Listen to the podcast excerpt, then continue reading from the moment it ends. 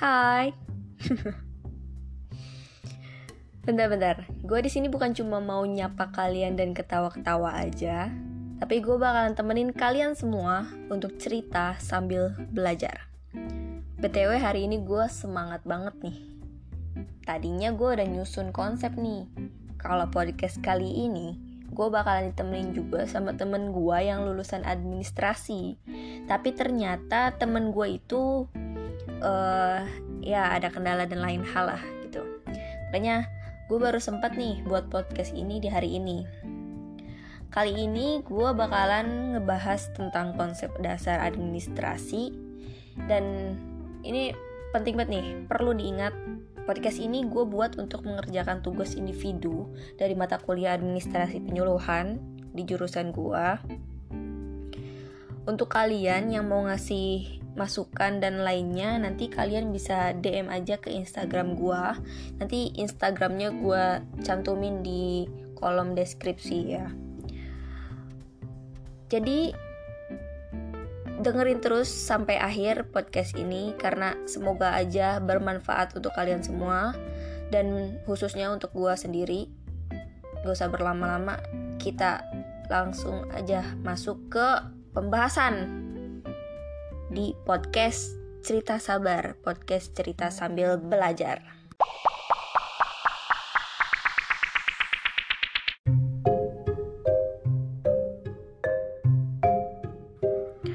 Oke, nggak usah berlama-lama lagi.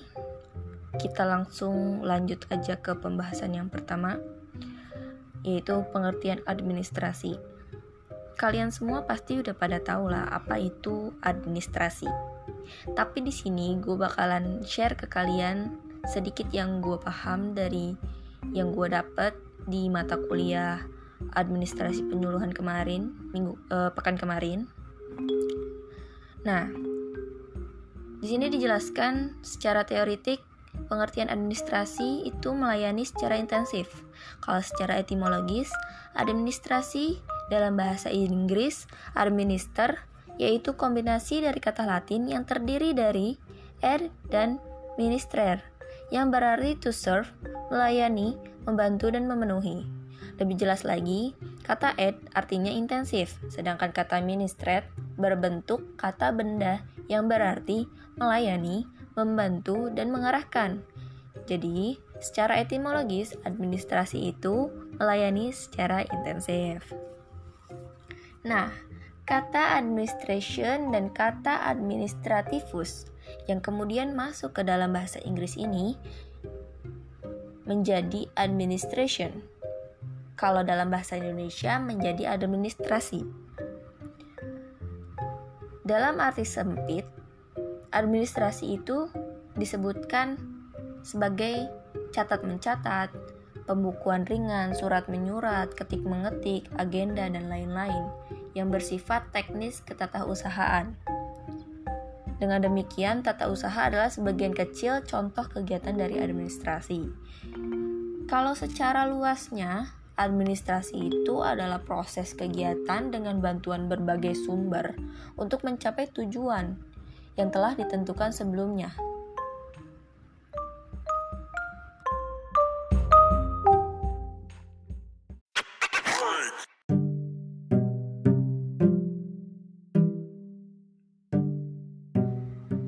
Pembahasan selanjutnya itu ada dasar-dasar administrasi.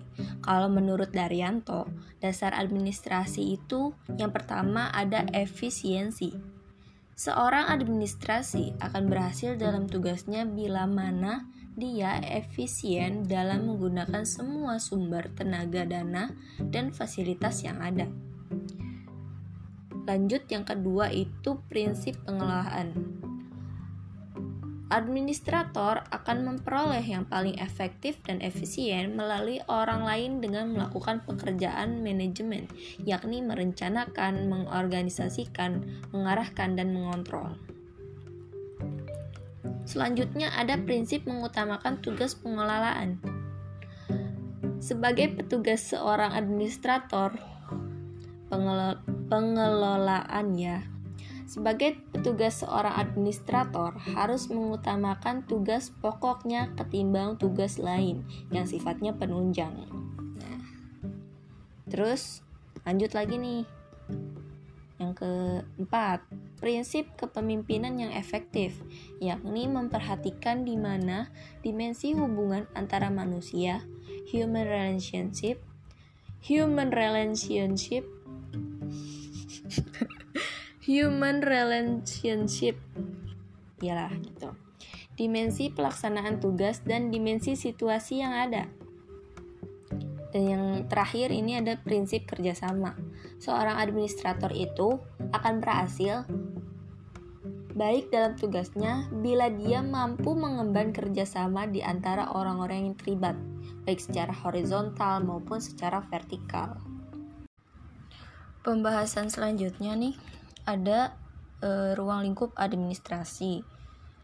Di dalamnya itu ada sejarah administrasi, ada tujuan administrasi, ada ciri-ciri administrasi, unsur-unsur administrasi, cabang-cabang administrasi. Dan yang pertama yang akan gue bahas di sini sejarah administrasi. Administrasi sudah dikenal sejak zaman peradaban manusia, sejak manusia berbudaya, bahkan disebutkan administrasi ada sejak manusia dapat menggunakan ciptanya, karsanya dan rasanya dalam berbagai aktivitas atau kegiatan. Administrasi ada pada saat dua orang atau lebih dapat memindahkan satu benda dari tempat satu ke tempat lainnya. Dengan kata lain, Administrasi diartikan sebagai kerjasama yang dilakukan oleh dua orang atau lebih dalam rangka mencapai suatu tujuan. Kemudian apa sih tujuannya administrasi itu? Tujuan yang hendak dicapai melalui kegiatan administrasi itu menerapkan kemampuan dan keterampilan kerja sehingga tercapai tujuan secara efektif dan efisien melalui tindakan rasional. Tujuan secara efektif dan efisien melalui tindakan rasional dapat terwujud bila ada perencanaan yang realistik dan benar-benar tepat, logis, dan dapat dikerjakan. Selanjutnya, setelah mengetahui tujuan administrasi, sini ada ciri-ciri administrasi. Dari definisi Delianggi, kita mendapatkan tiga karakteristik atau ciri-ciri administrasi. Yang pertama itu ada kegiatan melibatkan dua orang atau lebih. Jadi kalau misalkan sendiri itu bisa dilakukan, tapi tidak semaksimal berdua. Jadi ya administrasi lebih baik diadakan oleh dua orang atau lebih gitu. Ke, yang kedua itu kegiatan dilakukan secara bersama-sama. Udah jelas dong kalau dua orang berarti atau lebih berarti bersama-sama. Harus uh, apa ya? Harus bareng gitu. Jangan bisa-bisa. Kalau bisa-bisa ya sendiri aja gitu, nggak usah kerja berdua atau lebih.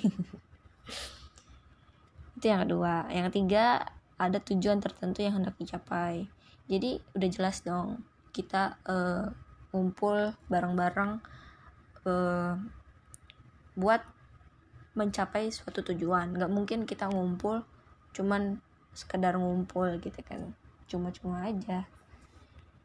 Pasti ya setiap kumpulan entah itu kumpulan formal atau informal atau secara cuman uh, kayak sahabat gitu doang juga pasti ada tujuan yang dia ingin capai gitu yang selanjutnya itu ada unsur-unsur administrasi. Nah unsur-unsur administrasi ini yang terdapat di dalam rangkaian kegiatan penataan yang dinamakan administrasi mempunyai 8 subkonsep administrasi. Yang pertama itu mencakup organisasi. Udah jelas banget kalau administrasi itu pasti harus ada wadah atau organisasi yang menjadi tempat maupun ya wadah itu, wadah kegiatan administrasi. yang kedua itu harus ada manajemen. Yang ketiga itu jelas harus ada komunikasi. Kita gimana mau ada administrasi kalau kita nggak ada komunikasi? Jangankan kita mau melakukan administrasi melakukan apa pun itu ya pasti jelas ada komunikasinya. Yang keempat itu ada informasi kita harus tahu dulu informasi-informasi sebelum kita melakukan administrasi. Informasi-informasi tentang administrasi itu. Nah yang kelima itu personalia. Yang keenam itu ada finansia. Yang ketujuh itu ada material. Dan yang kedelapan itu ada relasi publik. Nah sejauh ini antara organisasi administrasi manajemen itu emang saling berhubungan termasuk juga kepemimpinan. Dan itu akan dibahas di episode selanjutnya. Nantiin. Eh nantiin. Tungguin aja. Oke. Okay? nah yang terakhir ini ada cabang-cabang administrasi. Kalau secara umum ilmu administrasi itu itu dibagi menjadi dua cabang besar, yaitu administrasi publik dan administrasi niaga. Perbedaan antara dua cabang ilmu ini terletak pada fokus pembahasan atau objek studi. Administrasi publik atau administrasi negara memusatkan perhatiannya pada kerjasama yang dilakukan dalam lembaga-lembaga pemerintah administrasi publik atau administrasi negara. Juga bisa diartikan seluruh tindakan yang dilakukan untuk melaksanakan kebijakan pemerintah dalam memberikan kepada masyarakat. Kita lanjut ke bahasan kecerdasan dan kebaikan seorang administrator. Nah, ini penting banget buat seorang administrator punya nih sifat atau sikap-sikap yang kayak gini. Yang pertama itu ada profesional. Udah jelas banget setiap orang itu harus profesional dalam setiap kegiatannya. Profesional merupakan hal yang utama bagi seorang administrator karena dapat membedakan eh karena harus dapat membedakan mana urusan pribadi dan pekerjaan. Ketika tidak dapat membedakan kedua hal tersebut, maka akan kemungkinan di mana pekerjaan jadi ya berantakan gitu. Ya dicampur adukan gitu tuh nggak bisa gitu. Ya harus dibedakan, harus profesional. Detail. Menjadi seorang administrator menuntut kita untuk teliti dan fokus dalam melakukan segala hal. Juga tidak boleh sembarangan dalam mengambil keputusan. Nah, ini disebut dengan kesalahan berpikir. Jadi kita harus memahami agar kita bisa mendapatkan kesimpulan yang tepat dan juga keputusan yang tepat gitu. Kita harus dapat menyelesaikan pekerjaan dengan baik. Bukan berarti tidak boleh melakukan kesalahan, namun untuk meminimalisir kesalahan yang akan terjadi. Lebih baik jika lebih teliti dalam mengerjakan pekerjaan. Harus selalu mengcross check setiap pekerjaan gitu. Kerja, eh, yang selanjutnya ada kerjasama tim. Udah jelas banget ya, ciri dari administrator ini kan dua orang atau lebih dan harus bersama-sama. Udah jelas banget kita harus kerja sama-sama gitu. Gak bisa ya namanya sendiri-sendiri. Dan ini yang bakal menjadi efektif dan efisien tadi gitu. Yang selanjutnya, kemampuan menyelesaikan masalah.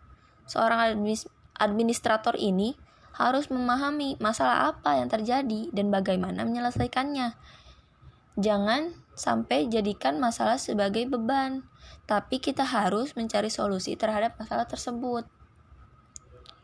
Dan selanjutnya, seorang administrator itu harus memiliki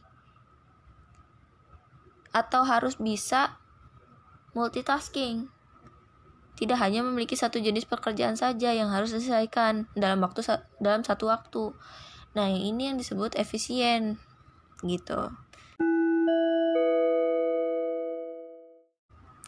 Yang selanjutnya kemampuan mengorganisasi. Kan tadi di awal udah dikasih tahu kalau apa tuh namanya? unsur administrasi itu mencakup organisasi ya kan? Ya seharusnya juga seorang administrator itu bisa mengorganisasi. Kemampuan untuk mengorganisasi juga merupakan hal yang tidak kalah penting. Seorang administrator harus dapat mengelola setiap kemampuan anggotanya memiliki sikap tegas terhadap manajemen waktu menyimpan data anggota dengan rapi, dan memikirkan bagaimana untuk meningkatkan keefektifan setiap anggota yang ada gitu. Dan yang terakhir ini ada kemampuan bernegosiasi. Kalau yang tadi berorganisasi, mengorganisasikan, kalau ini berneo, berneo. Suka typo typo mudah. Bernegosiasi. Negosiasi merupakan suatu proses saat saat dua belah pihak melakukan proses untuk mencapai kesepakatan atau perjanjian bersama yang memenuhi kepuasan pihak-pihak yang bersangkutan. Penting bagi seorang administrator untuk dapat melakukan negosiasi yang benar agar permasalahan yang tidak dapat terselesaikan menjadi selesai. Nah, kesepakatan tersebut pun meliputi win-win solution, bukan win-loss solution. Mungkin cukup sekian ya yang dapat saya sampaikan. Ya segitu aja mungkin yang bisa gua sharing ke kalian. Kalau misalkan memang kalian ada masukan atau kritik untuk apa yang udah gua sampaikan ini kalian bisa DM aja langsung ke Instagram gua biar ada koreksian. Biar gue bisa jadi lebih baik lagi. Oke tunggu gua di episode selanjutnya ya. Jangan bosen-bosen dengerin suara gua yang typo-typo mulu. Oke bye